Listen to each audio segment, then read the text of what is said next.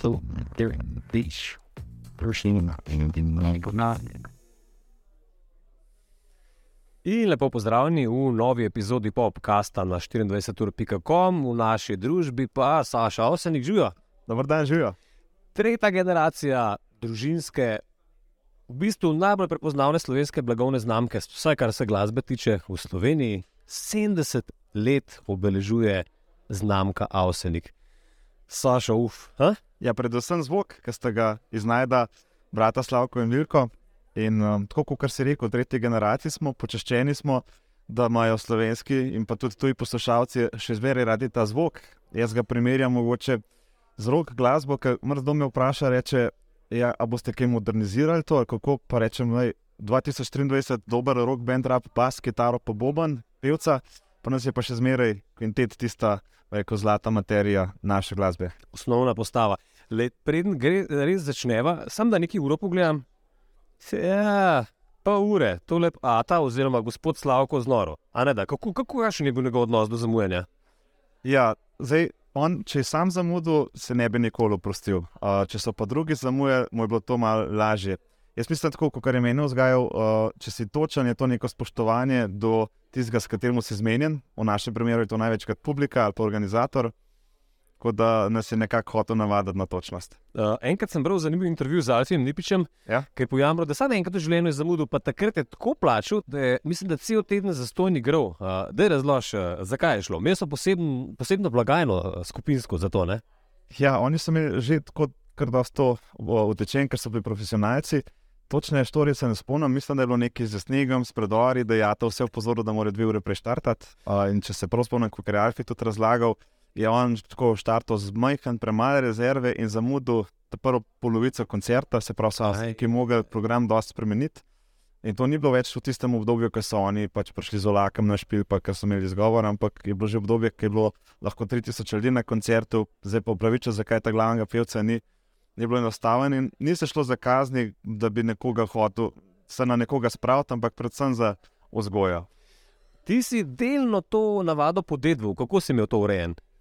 Ja, jaz sem nekako pri mojih fantih opazil, da sem imel različne, ali pa pri dekletih tudi, na, da nekdo je prišel pol ure prej, nekdo je pa 20 minut zamudil. Se pravi, tisti, ki je te prvi prišel, je 50 minut čakal. Tako da smo rekli, pri nas bomo imeli 3 minute tolerance za čez uro, tisti, ki je več kot 3 minute zamudil, je mogel 30 evrov pustiti v kasi od Benda za kakšno majico, za kakšen plakat, da smo pač kakšne take stvari investirali. Uh, zdaj smo pa to odpravili, ker načeloma smo taka ekipa trenutno, da res dihamo, smo profesionalci, fanti in dekle pridejo, so točni tako, da se ne spomnim. Po mojem, da smo pred korono ta zadnji kazen pobrali. Bravo, lepo, lepo, lepo ste se samo vzgojili, tudi nekaj. Uh, 70 let avsonikove glasbe, veš kaj je, Saša, kako, kako si ti odraščal ob tem, kdo ti je pripovedoval o tem, kako je sploh nastala ta glasba? Si to Ata oziroma uh, Slavka Avsenika poslušal, kdo je bil tvoj ta pripovedovalec zgodbe? Torej, moja osebna zgodba se je začela s kasetom, ki sem jih kot otrok noter dajal in sem jih potem svinčniki prevrtal. Ta glasba je meni fuldo uh, drugačna od ostalih. Dobrovoljno me je spravljala, še posebej polke. Uh, potem me je oče tudi navajal na kakšne druge, druge glasbene zvrsti.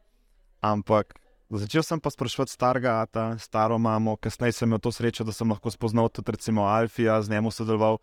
Od drugih uh, avstrijskih glasbenikov, ki je izvedel, Ampak najboljša prepovedovalca sta bila ta Pavilko, sta bila res D-avsenika, če tako rečem.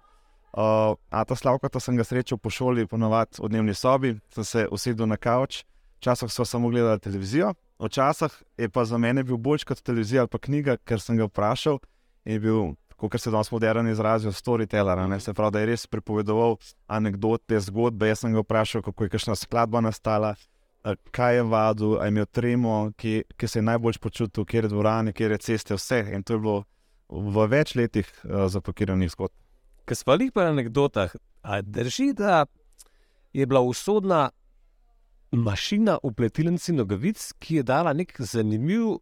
Se pravi, a, tvojemu atu zanimiv ritem in ga je navdihnila. Se pravi, neke vrste ritem mašina, da razložiš to zgodbo. Ja, on, dokler ni bil profesionalni glasbenik, je najprej bil v bistvu smočarski skakalec, pa v Tonosi v Nasavljah, smo se večkrat potem impelali po ta star cest, je razlagal, da je imel to tovarno, je bil pletilc um, iz Elana še v Tonosu, kako koli.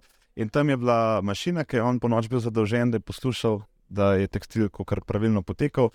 In je bil nek tak ritem, in je bilo to kot ta, ta, ta, ta, ta, ta, ta, ta, ta, ta, za, Golico ideja. Uh, in ga je bilo najbolj strah, kaj pa če bo on za to idejo pozabil. In se je vzel tam en škrnicel, not, not ni znal pisati, tako da je gor naredil neke točke, da se je zapomnil, koliko tonov je na eni intonaciji in koliko je potem na drugem. Uh, in ko je prišel domov, je veliko to dal in rekel, da tole bi bila pa lahko ta nova skladba. Uh, in sta potem Golico napisala. Vilko pa ta mata tako je skladateljsko to zastavil z notami. Ja, in dal kvinteto, se pravi, bendo, potem kaj bo kdo igral. Hudo, se pravi, če ki sem imel 70 let nazaj, cirka je bilo to, kaj je to pol? Pravzaprav ena prvih rab uh, ritem mašin uh, v glasbeni industriji. Ja, dobro si se izrazil, kot nek, nek beatbox ali nekaj takega. Si šel v tovarno, pa si dubu en ritem. In se pravi, uh, domnevam, da ta zvok, ki ga zdaj slišimo v legendarni uh, na, go, na Golici, Ja? to je pravzaprav iz mašine za. Jaz te mašine nisem slišal, Aha. ampak tako kot karjata rekel, ja, je to mogel kar tako dober udarc biti. Včasih je lahko bilo kaj v naravi, Mhm. kakšna ptica kaj zapela. ali Pa tudi recimo zvonovi so mu lahko Mhm. kakšno inspiracijo dali. On je probal recimo kaj zvonjenja v cerkvi poslušal, tudi iz tega včasih kakšne intervale vam po- potegniti. a ne. Mhm. Včasih so bili pogrebni zvonovi, se je zapel takrat v jamo z njim, tako malo bolj kruta, ali pa je bila intonacija ti-di-dam. Tirira, ririra, pil sem ga, ženkica, v bistvu zvonjenja. Ne? Tako da imel je ta talent, da je iz okolice znal potegniti inspiracijo in navdih. Veliko pa to dopolnil še po tem, po, kako se temu reče, strokovni, skladateljski, kako ti to rekel, Veš, ko prej. strani. Um, Sl- Slavko je gor rastel v gostilni na domačiji pravcenikih a ne? in je bil od 8 let starosti vedno nekako soočen s publiko, Mhm. ker je mogel igrati, doma so prodali recimo golaž, pa stvari, ne hrano. In če je ta Slavko špilo, to, kar so mu ljudje naročili, mi se imamo radi, ljudske pesmi so dobro prodajali. Se pravi, a te zmeraj za publiko gledal. Veliko na drugi strani je šel po Ljubljano, študiral glasbo in je šel delati na RTV, na Radio Ljubljana in je videl, da rabijo nove vsebine. Niso pa dovolili takrat neke kmečke vsebine, vsebine ki so rekli, da malo imamo časa, mora biti en nivo. In sta potem Slavko pa veliko iskala, se pravi, nove dobre tekste, dober sound, da ni bilo zdaj to preveč ljudsko, ampak da je bilo ljudsko plus še neka dodana vrednost. A rečemo na nivoju. Rečemo ljud, ljudskost na nivoju. Uh -huh. Ravno to, ne, Sašo, pomagaj mi to, uh, ta en mit razbiti. ne. Mit o stoletja stari narodno-zabavni uh, glasbi slovenski. Ja, ni res, stara je na tanko 70 let. A ni, to, a ni to, kako ti gledaš na to? Ja, prej so bili motivi, pa ljudski godci, um, mrdo je bil kriv, da so avstniki tudi nastali. Oni niso nastali z nič, ampak recimo radi so poslušali Dixie glasbo, ker so imeli droben to klarnet, radi so poslušali plesno glasbo, ker je bila ritem kitara, a, a ta Slavko ima rad harmoniko, recimo. ne. A, tako da vsak je nekje neke te navdihe sprejel, Slovenci imamo to srečo, da imamo vse štiri smeri neba dosti pestre in ta pestrost se je nekako tukaj v tem centru na Gorenskem srečala in nastala jasnikova glasba. Ampak, veš, eh, kaj je zanimivo, je, če poslušaš eh, te zgodbe, kaj je res tradicionalno stoletja stara slovenska glasba. Mogoče so uh, iz, iz skupine Katalina še najbližji, kaj pa jaz vem, veš, oni ugotavljajo, kaj je res v, v starih, starih, starih zapisih. Ne. Hočem reči to, da uh, žanr narodno-zabavne glasbe, pod katero je uh, znamka Avsenik, je 70 let stara in čist več. In zato sta bila inovatorja Slavko in uh, Vilko. To, to je dejstvo, ja, ker, ker se gremo pogovarjati, kaj je ta prava slovenska glasba, pa lahko šli do jamske piščali nazaj. A vidiš? Ja. Uh, še ena zanimivost je, eh, kar se tiče skladbe na Golici. Uh, a drži, da v nemško govorečih deželah Evrope še zdaj sploh ne vejo, da je to naš, naš komat, pravzaprav avsanikov komat, slovenski. Ja, se je že zgodila, za kakšno drugo tudi skladbo, da so bili napisani mogoče drugi avtori ali pa da je to nemška ljudska. Uh -huh. Da sem rešil s tisto ploščo, do Ata se je rekel, čak, a sto ti se podpisal zraven, lahko. Ampak avseniki so bili že pred velik drugimi glasbeniki prisotni. Recimo ta glavna oddaja na nemškem področju se je zgodila o, nekje v 70-ih letih, muzikant Štadl, ki je imela poprečno gledano 16 milijonov na oddajo, lahko rečem. In tam so imeli golico za prepoznavno melodijo. In so veliko tujcev mislili, da je to zdaj s to oddajo nastalo. So pa avseniki golico v bistvu že 20 let prej posneli, igrali in tudi so mogoče včasih kdo pred avseniki najprej golico slišal, potem pa še do avsenikov prišel. A ta je bil pa tudi, vem, da fejst jezen na bivšega menedžerja, ki je pa skuhal eno tako prigodo, da je kako že besedilo za na Golici napisal. Ja, rekel je, rekel je, emo fanti, golica zdaj le super laufa. dajmo mi zdaj še eno verzijo narediti, zato da jo bomo še enkrat prodali, dajmo še besedilo zraven. In v Sloveniji tega ne poznamo, ker se velikokrat hecamo, znaš tekst od Golice, ker v Sloveniji ga ni. Tako. V tujini pa je, a ne, Felix je tereter, je tereter, nekaj v glavnem je kot za blas muzik. Uh, in ker so to besedilo naredili, Ata ni takrat bil tako pozoren, mm. ker danes smo bolj birokrati, pa papiri, pa mirkamo, kaj podpišemo. Ata je pa takrat podpisal dovoljenje, da so tekst naredili, ni pa pogledal, da se zdaj po to novem tudi instrumentalno šteje, kot da je že besedilo zraven. In je dodal še enega avtorja, pomeni, da so avtorske pravice delili Slavko, Vilko in pa tekstopisec Fred Rauh. Tako Ja, To je bila ena izmed glavnih življenjskih napak. Ja. Kako se je znašel majster? Dobro, pa pustva to. Veš kaj, voj, zdaj, ko greš po istih krajih, kjer je že tvoj ata igral, tvoj dedek, um, hodiš na turneje, igraš v, v teh krajih. Zdaj povej mi, kaj se je zgodilo z občinstvom. Ne? Um, a hodijo stranka upokojencev bolj na špile, ne drži, a ne da? Ja, mi se v bistvu s tem soočamo. Tudi jaz, recimo, ki sem prebral besedo Oberkrajn ali pa Avsenik, nas je si predstavljal ta prejšnjo generacijo. pa tako. Danes pa v bistvu je zelo veliko mladih glasbenikov, ansamblov in tudi, uh, ker sem jaz začel pred 14 leti, se ne predstavljam, da bi mladina dala 3 evre za vstopnino za veselico ali pa za karkoli, ker je bilo veliko vsega povsod. Potem so se pojavili modrijani z nočjo modrijanov, tudi pri njih so kakšne vstopnine že začele biti na veselicah. Uh, in ni kar vsak posod potem več. o, So začeli vzgajati publiko, da je zavestna publika prišla zaradi programa, ne samo zaradi tega, ker je tam pač neka veselica. In jaz sem opazil, pa nas, ko smo imeli zdaj, recimo Ljubljanski grad, ki smo imeli to turnejo, um, da se naša publika tudi dejansko ne meša, ampak tudi pomlajuje. Mhm. Tako kot si sam rekel, tako da smo bili presenečeni, da so zagreti tam mladi in včasih zdaj gre prva reklama, vedno se samiš na Facebook, na Instagram in tako naprej. In mladi zdaj že kar te karte pokupijo, potem pa starejši šele opazijo, jumbo plakate, po radiju zvejo. Tako da nas tudi starejši opozarjajo, da moramo ne samo na Facebook reklame dati, ampak tudi, da oni opazijo. Lani ste imeli čast države in našega praznika uh, junija, rečemo temu, premjerni koncert v takem den, dosti nenavadnem okolju na Ljubljanskem gradu. Letos ga boste ponovili, ampak greva čist malo nazaj. Kaj ste se lani tam pravzaprav naučili in kaj vas je, uh, kako bi rekel, narediti vrgel? Enostavno, ker je bilo mogoče malo neznane vode, ampak ste bili na koncu zelo zadovoljni. Ja, z- zadali smo si, glede na to, da veliko rečemo, da naša publika so sladokusci narodno-zabavne glasbe lahko. a Ne? Pridejo od Cankarja, prišli so v Križanke, ker smo imeli simfonike zraven. Tudi že prejšnje generacije so posneli simfoniki posnetke, tako da smo si rekli, da če gremo na Ljubljanski grad, bo naši publiki jasno, da ne bomo gor delali veselice, kot če bi šli v šotor ali pa nekam na eno open air ali pa na eno goro. In smo naredili vse najboljše Slovenije, program ob prazniku in poiskali ta lepe avstrijske skladbe s ta lepimi besedili. In letos bomo prišli spet na Ljubljanski grad, zademo 70 let avstrijske glasbe, pa predstavili ta avstrijsko zgodbo. In ne rab biti veselica, pa so vseeno ta najboljši songi Avsedika. Ja, ljudje veliko rečejo, da bi radi zaplesali. To je to, o čemer sem prej govoril, ker je ta Slavko vsem izhajal iz gostilne in je delal od začetka plesne ritme, plesno glasbo. Ampak glasba ima toliko velike energije in ljudje, ki poslušajo, ki sedijo, potem to še bolj začutijo. Sploh imajo pa čas tudi potem o besedilih premišljati. Pa če govoriva o teh tradicionalnih ne, stvarih, pa stereotipih, pa tako.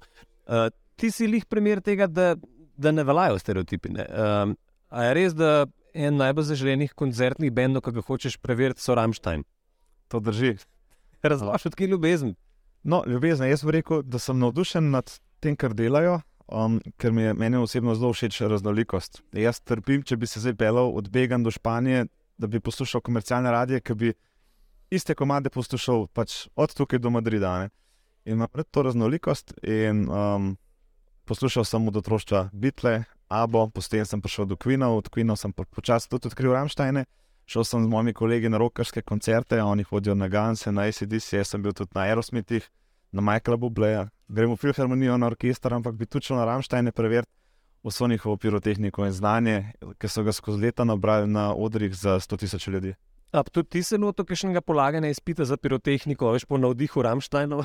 Um, bom rekel, da se razvijamo v smislu, da smo imeli na turneji zelo dobro luč, zelo dobro uh, LED skrine in tako.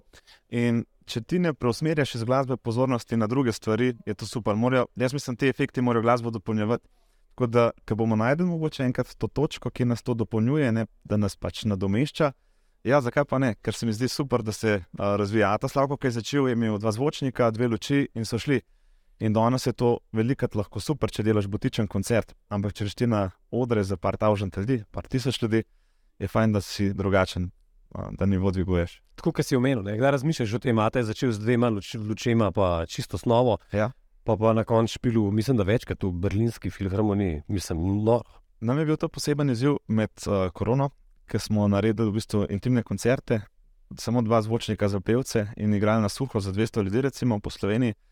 In smo spet novo znanje dobili, kako v bistvu jaz sem z moderacijo nagovarjal ljudi, oni se izražajo glasbene želje, bili smo v manjši in bolj intimni družbi, ampak se mi zdi, da je ta projekt, da ni skozi isto. Če bi 200 takih koncertov naredil, bi se jih naveličal tako, kot tisti, ki igrajo samo stadione in bi tudi hotel enkrat po manjši družbi, da vidijo vsakmu obiskovalcu oči.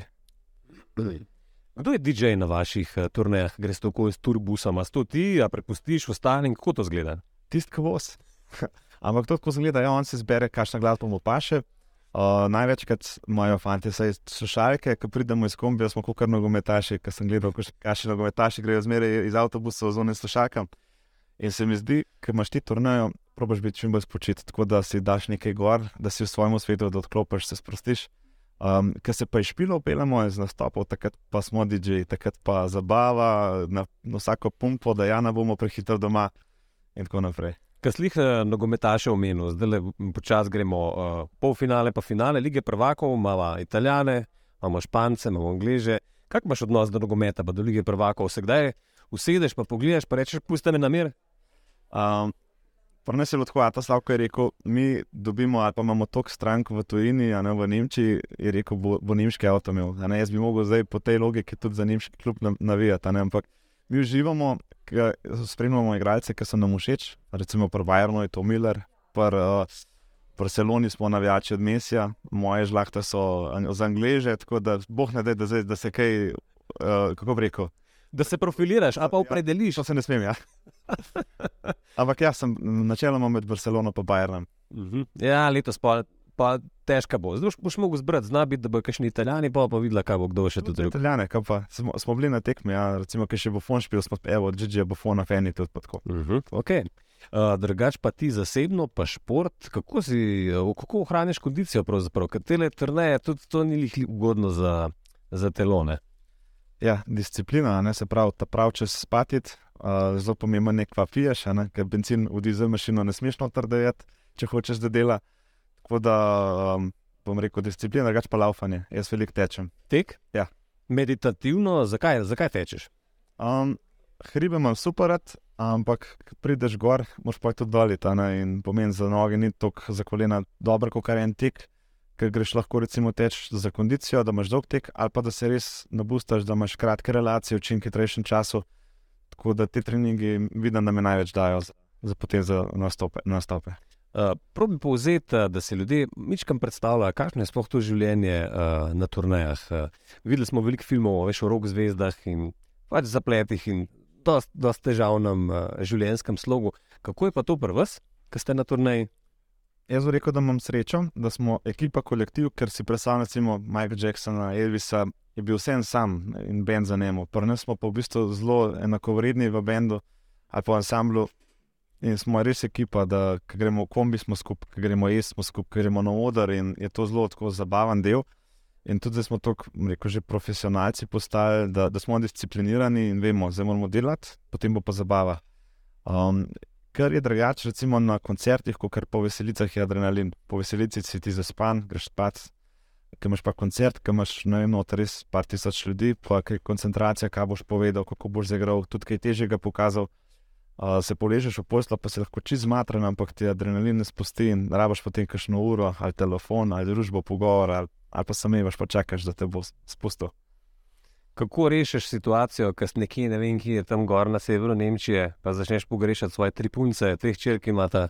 No, takrat me potovaš, recimo, misel, kako je imel to moj staroče, še teži, ker niso imeli, recimo, rekel, da pošta ni vedno prispela v, te govorniške kabine, so včasih hodila, ne, pa je bila vrsta. Tako, um, tako da danes imaš pa v bistvu FaceTime, WhatsApp, kako koli in jih pokličeš in jih pogledaš. In je veliko lažje, Sedaj. da boš čez par dni doma. Okay. Le sabo spravljeko en res velik kufr, to je klasično, po mojem, harmonika. Zdaj jaz ti predlagam, da ne moramo zaključiti popkasta brez ene glasbene točke. Tako da ti kar odpri, kaj bova, sam povej, bova, ne vem, Baha, bova kakšno klasiko, Dawsonikov, kaj si zamislil. Danes sem rekel mojim puncem, da mi dajo nekaj za sabo, da bom videl, pač, kaj bi mi one zbrali za, za Aha, dve pa okej. štiri sta stare, tako da, da.